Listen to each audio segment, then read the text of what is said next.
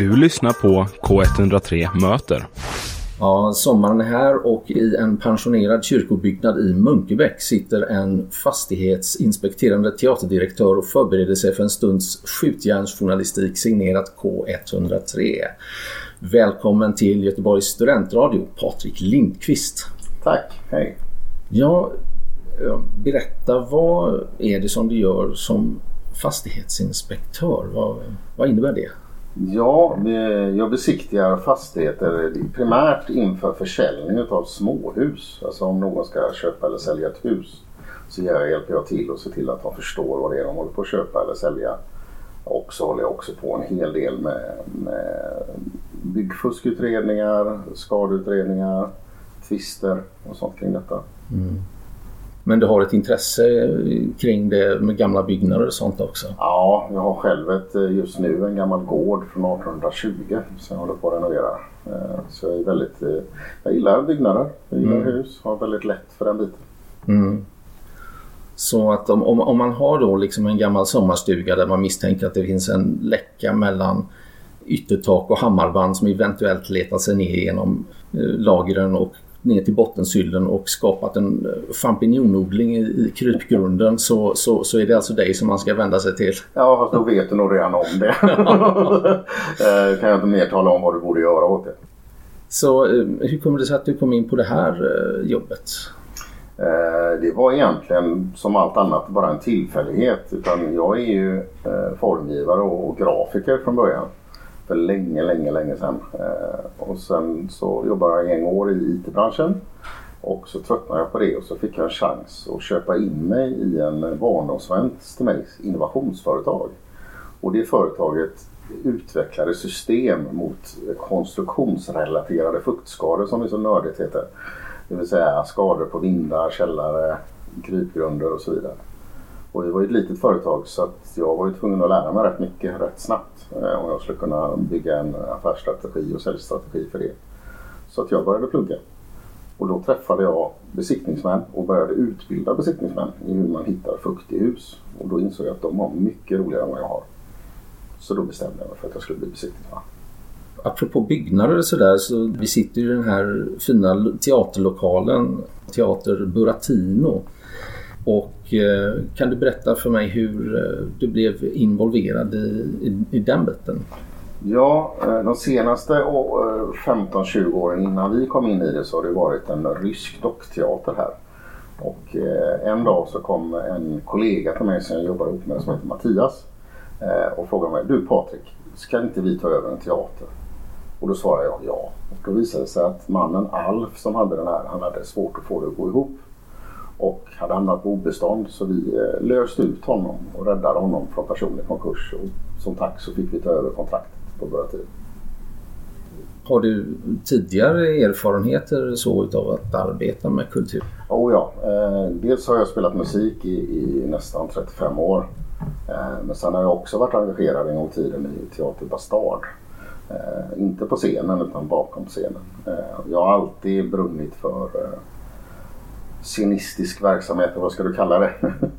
Eh, jag brukar säga längst fram ett steg bakom, det är där du hittar mig jämt. Trummorna på scenen, eh, bakom kulisserna vid en trolleriföreställning, skötande en, en, eh, en moving light eller något annat. Men jag vill vara i den här världen. Mm. Och då är det ju väldigt praktiskt om man har sin egen teater. Helt klart. Ja. Världens bästa lekstuga. Vad är historien egentligen eh, bakom eh, den här byggnaden då? Eh, vad vi har fått veta och vad vi tror, det är inte helt hundra säkert, men det byggdes fyra sådana här byggnader på olika delar i Göteborg på 40-talet. Och den här var enligt, enligt uppgift då har varit högens danslokal från början. Så att, det var på den tiden även högen anordnade dans någon gång då på 40-50-talet. Eh, under vissa perioder så har kyrkan haft tillgång till den och haft det framförallt under tiden de har renoverat eller byggt på kyrkan. Men sen eh, innan, om jag förstått det rätt, innan Alf och, och tog över och gjorde dockteater här så var det länkarna som satt här och rökte och tittade ut genom fönstren. Eh, helt enkelt. Ja. Spännande. Och sen då som sagt sista 15 åren ish, eh, sen vi, innan vi tog över det så var det då en teater för dockor med ryska dockor, sibiriska dockor.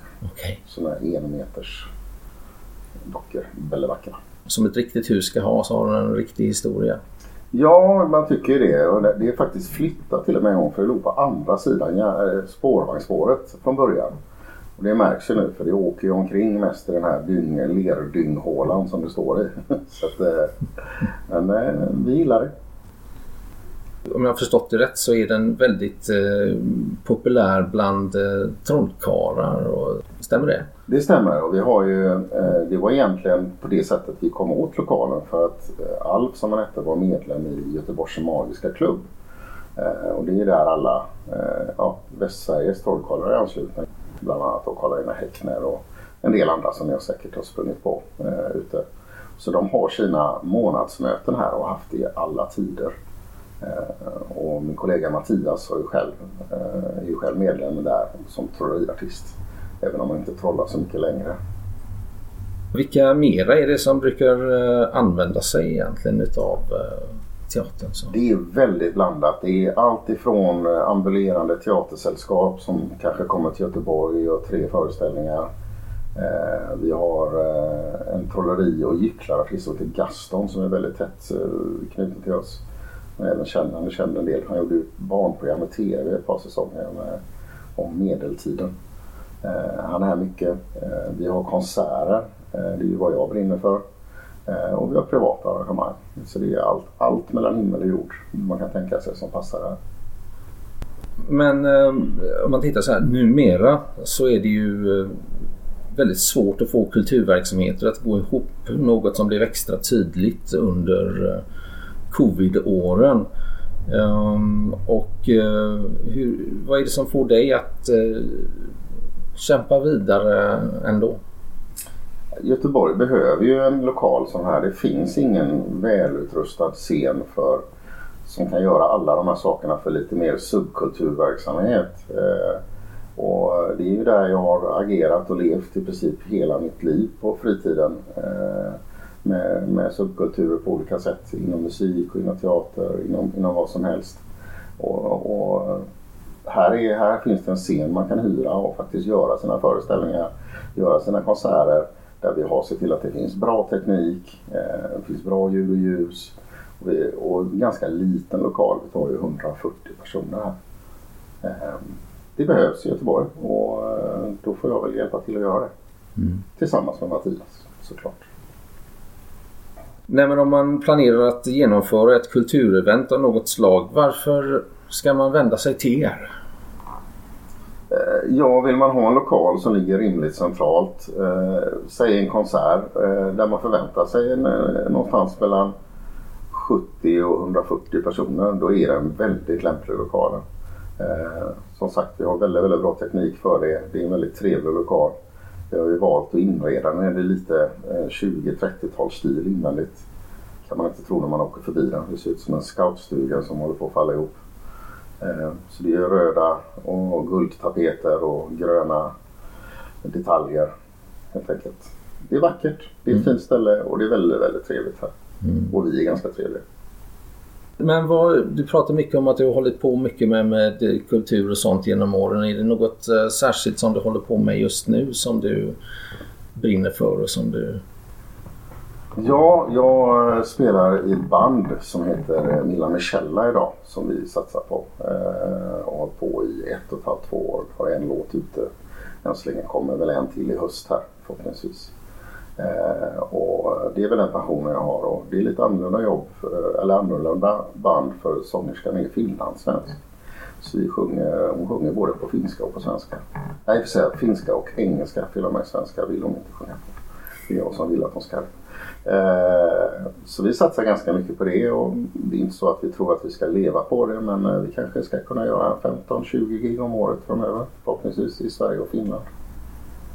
Det ser vi fram emot att eh, höra mera med eh, och eh, ni är väldigt välkomna att ta vägen om Göteborgs studentradio vid något tillfälle om ni vill göra något litet gig där med någon låt eller så. Ja, det låter spännande. Ja. Det kommer vi säkerligen nappa på. Ja.